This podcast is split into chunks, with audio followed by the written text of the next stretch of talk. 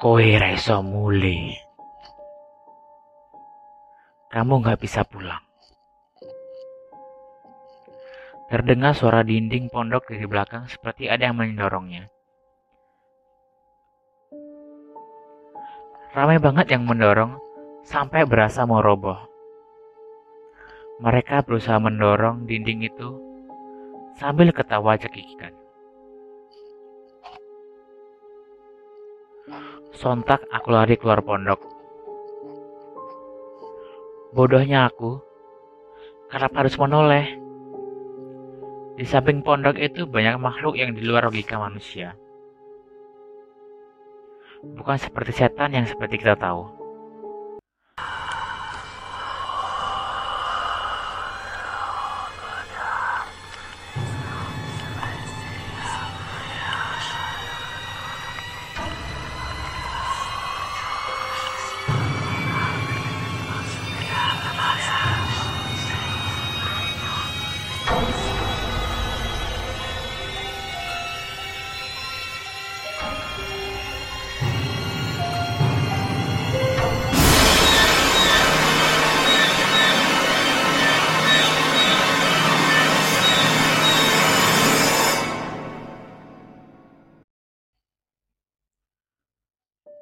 Halo Sobat Misteri. Selamat datang di channel Podcast Misteri. Kali ini Aku akan menceritakan Kisah pengalaman mistis Saat pendakian Gunung Arjuno Link sumber cerita Aku tuliskan di kolom deskripsi Selamat mendengarkan.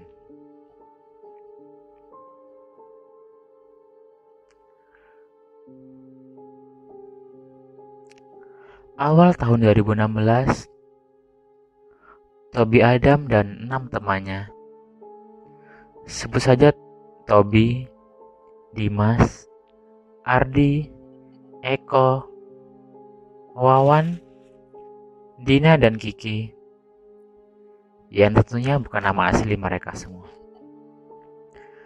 Yang mengalami kejadian mistis selama pendakian di Gunung Arjuno.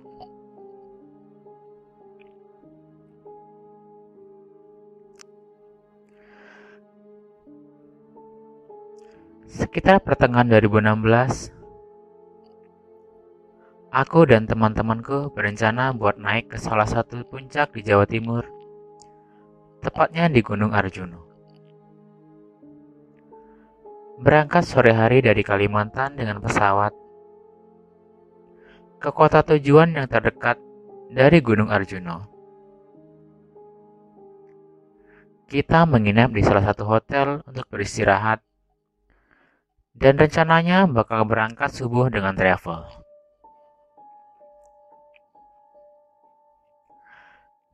Di awal perjalanan dimulai tidak ada yang aneh. Sekitar jam 8 kita sampai di desa di bawah kaki Gunung Arjuno. Kita memang sengaja memilih jalur yang anti mainstream sebenarnya. Kita langsung datang ke rumah kepala desa untuk meminta izin untuk melewati jalur itu. Sebenarnya kepala desa melarang untuk melewati jalur itu. Istilahnya, kita bukan orang asli sini. Karena jalur itu banyak tempat buat masyarakat sekitar untuk bertapa. Dan karena kita berpikir untuk lewat jalan berdagang normal tersebut membutuhkan waktu yang cukup lama. Jadi kita berusaha untuk meyakinkan kepala desa bahwa kita akan menjaga sikap ketika melewati jalur tersebut. Dan kepala desa dengan berhati mengizinkan dengan syarat jika lisan dan yang paling penting jangan pernah buat bermalam di pos 4. Beliau tidak bilang alasannya, hanya melarang. Dan kita setuju dengan syaratnya.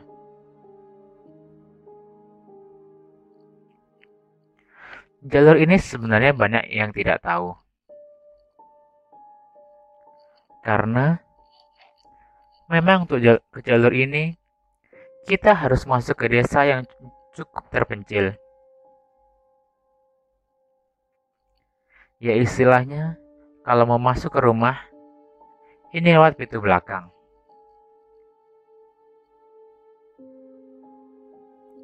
Mungkin pendaki yang sudah hafal jalur, mereka bakal tahu jalur ini. Kita berangkat sekitar pukul 1. Semua berjalan normal. Suasana juga sejuk karena banyak pohon pinus di daerah ini dan yang bikin agak merinding adalah banyak banget teras-teras yang dibuat untuk orang di sekitar untuk bertapa atau berdoa. Maghrib pun tiba. Tapi, kami baru melewati pos 3. Pendakian ini ada tujuh pos. Jadi butuh waktu lama untuk sampai ke puncak Gunung Arjuna. Sedangkan anak-anak cewek seperti yang mereka sudah kelelahan. Kemudian aku bilang, ya udah, kenapa nggak bikin camp di pos 4 aja? Paling bentar lagi juga sampai. Jangan macam-macam. Kalau dari larang itu didengar. Hutan ini bukan rumahmu, kata Eko. Udah, slow aja. Gak ada yang tahu kita camp di sini. Besok, sebelum pagi subuh, kita langsung beresin. Jadi, gak ada yang tahu kalau kita habis ngecamp di sini. Ucapku pada mereka. Mungkin karena faktor capek, temanku yang lain pada diam saja. Seakan setuju untuk istirahat di pos 4.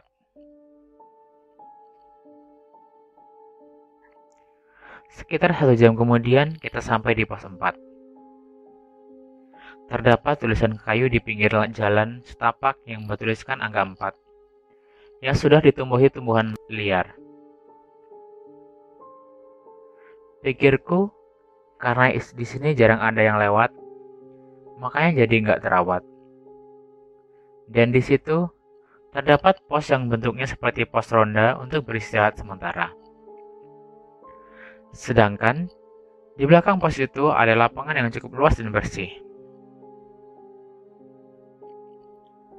Nah, mantap tempatnya. Luas begini, masa gak boleh buat ngecamp sih? Ucapku. Kita langsung bagi tugas agar segera ada tempat buat beristirahat sebelum sore.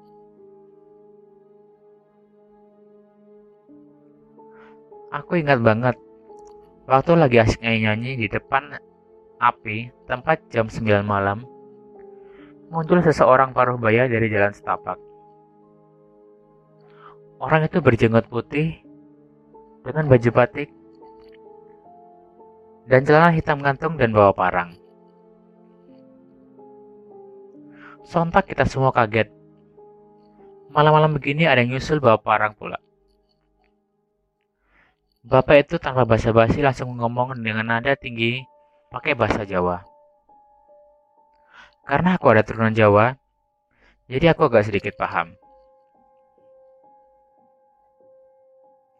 Wes tak aja nginep nang kene, kok pada ngeyel. Ora? Ucap bapak tersebut. Yang artinya,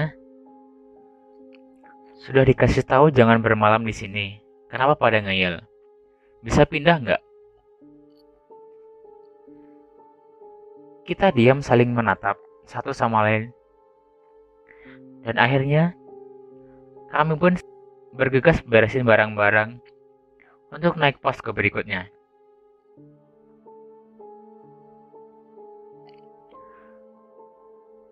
Simbah tadi masih berdiri di samping pos sambil merhatiin kami beresin barang. Sampai kita udah siap buat naik ke pos 5, aku suruh teman-temanku buat jalan duluan.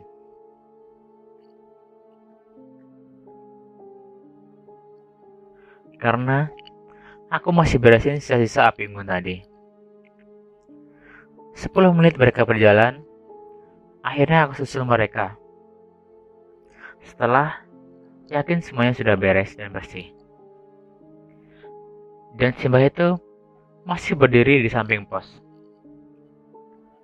Pas aku ngelewatin Simbah itu, aku mencium wangi melati.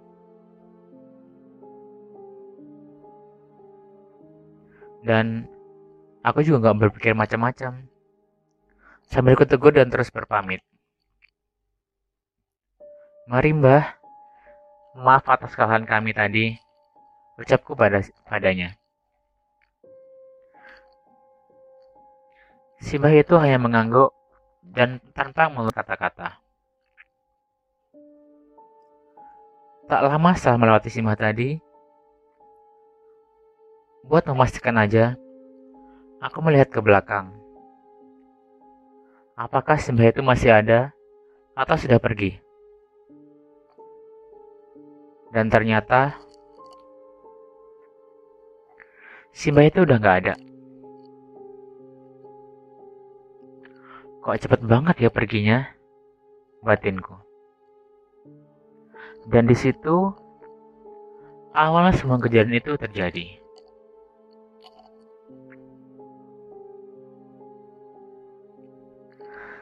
Sambil memikirkan simbahnya tadi, aku terus berjalan, berusaha menyusul anggotaku yang tadi jalan duluan. Tapi ada yang aneh.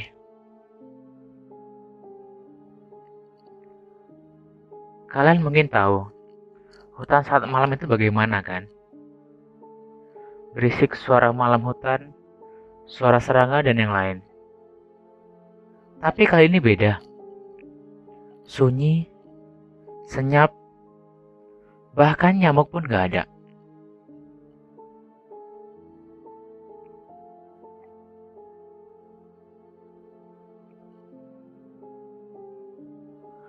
Aku mulai merasa ada yang mengawasiku. Seperti ada yang mengikutiku dari belakang. Mungkin sekitar sejam aku berjalan,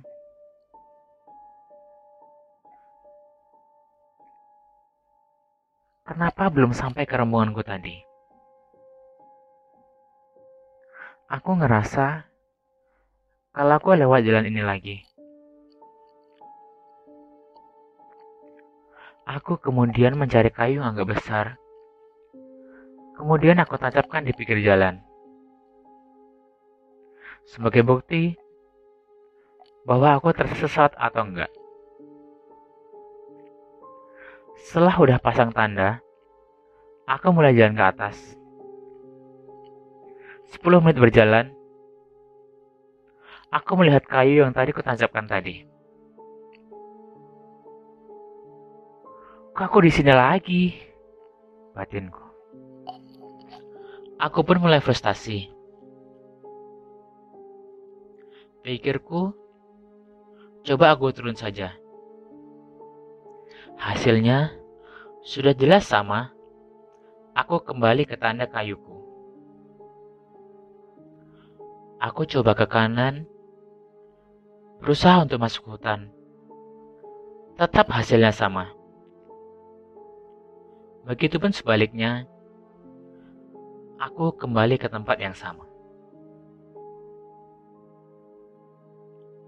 Muncul pikiran panik. Aku yakin aku disembunyikan. Tapi, apa salahku? Apa karena aku camp di pos 4? Terus, kenapa cuma aku yang disembunyikan? Banyak pertanyaan yang muncul di kepalaku.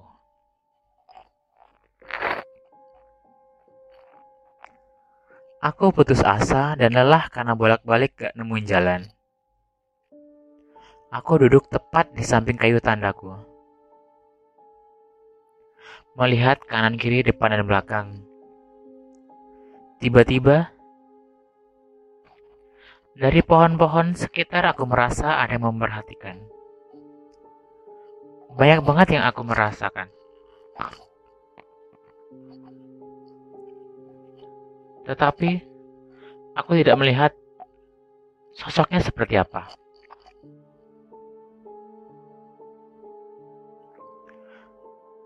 Kemudian, dari bawah gunung muncul sekelompok orang menggunakan pakaian kerajaan seperti membawa tombak dan obor. Rombongan itu sekitar 10-15 orang. Lewat tepat di jalan setapak di sampingku. Aku memanggil mereka. Tetapi nggak ada jawaban. Mereka berhenti, kemudian menoleh, dan terus jalan lagi. Apa aku sudah mati? Tapi siapa mereka? Kenapa masih ada orang-orang yang memakai seragam kerajaan seperti itu?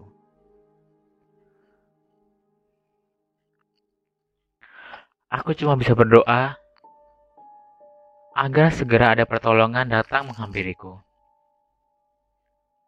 Kemudian aku tertidur di samping jalan setapak itu karena aku nggak tahu lagi harus berbuat apa. Tiba-tiba aku terbangun di tengah keramaian. Akhirnya aku selamat, batinku. Aku terbangun dan mencoba berdiri di tengah pasar malam.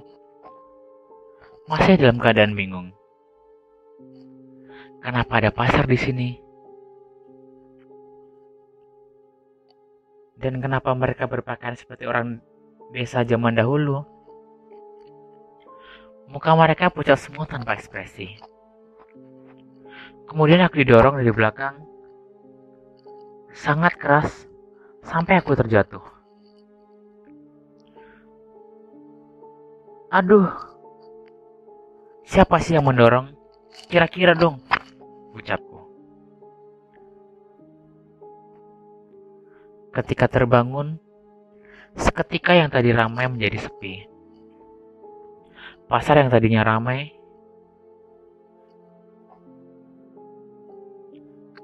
jadi sepi tanpa seorang pun kecuali aku. Aku perhatikan sekeliling Nampak aku kenal lokasinya. Ya, ini adalah pos 4. Tempat ngecamp kami tadi. Tapi kenapa jadi pasar?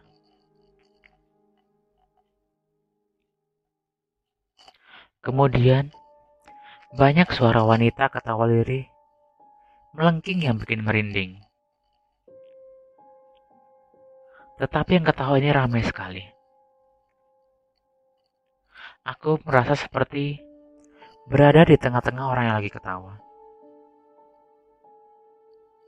Dengan gerak cepat, aku lari karena udah ketakutan. Tidak tahu lari ke mana. Yang penting, menjauh dari suara tersebut.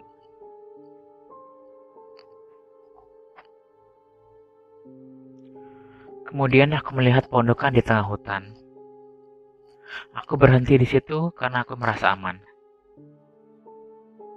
Kemudian, ada suara besar dan berat yang membuatku gemetaran. Kowe raiso muli. Kamu nggak bisa pulang. Terdengar suara dinding pondok dari belakang seperti ada yang mendorongnya. Ramai banget yang mendorong sampai berasa mau roboh. Mereka berusaha mendorong dinding itu sambil ketawa cekikikan. Sontak aku lari keluar pondok. Bodohnya aku, karena harus menoleh. Di samping pondok itu banyak makhluk yang di luar logika manusia bukan seperti setan yang seperti kita tahu. Lebih ke persilangan manusia sama binatang pokoknya. Akhirnya aku pun lari. Dan sampai akhirnya aku kembali ke jalan setapak tempat tanda kayu tadi yang kutancapkan. Aku duduk sambil menangis, sangat putus asa. Tiba-tiba muncul sosok Simbah berbadan ular besar turun dari pohon.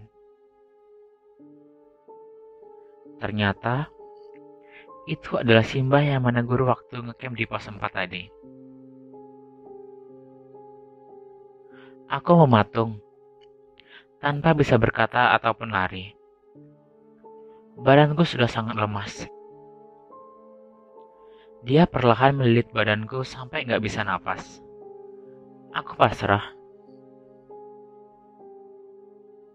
Aku tidak punya ilmu agama sedikit pun. Aku cuma bisa pasrah.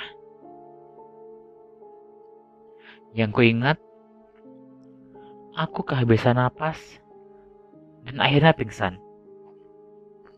Tiba-tiba, aku terbangun, masih di tanda kayu tadi. Kemudian, ada nenek-nenek yang datang menghampiriku dan berkata, Nek dikandane wong tua kuwi manut le. Aja ngeyel.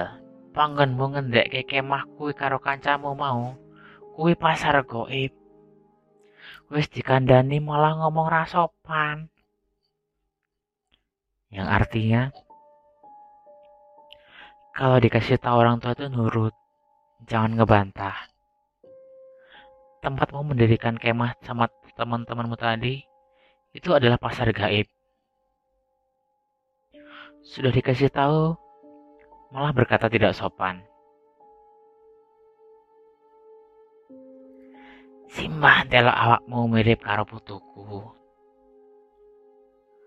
Tak ewangi metu saka kene. Tapi eling. Kene dudu omahmu. Dijogo omongane karo prilakune. Ucap nenek tersebut. Yang artinya, Simbah lihat kamu seperti cucuku. Aku bantu kamu keluar dari sini. Tapi ingat, ini bukan rumahmu. Jaga lisan dan sikapmu.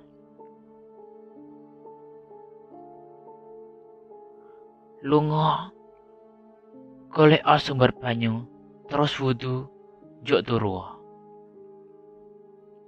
Yang artinya, pergilah kamu cari sumber air, kemudian wudhu, lalu tidur. Aku hanya mengangguk. Kemudian ada suara dari kiriku. Aku menoleh ke kiri. Tiba-tiba nenek itu sudah tidak ada.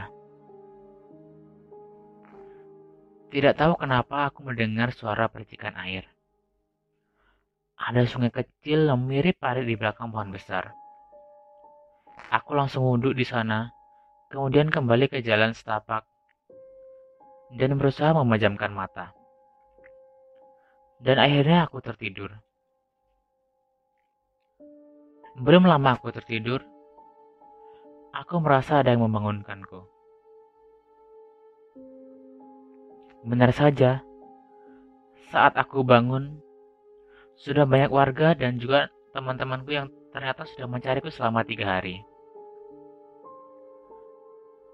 Malam yang kurasa singkat, ternyata sudah tiga hari. Mereka menemukanku tidur di samping jalan setapak. Padahal, mereka naik turun gunung lewat jalan itu tanpa melihat ada aku. Baru sore ini, ketika mereka mau turun, baru melihat aku tidur di samping jalan. Dan alhamdulillah aku selamat.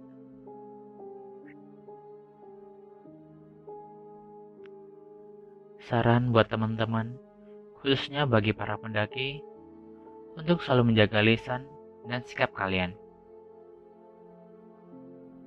Percaya atau tidak, tetap saling menghormati karena kita hidup berdampingan.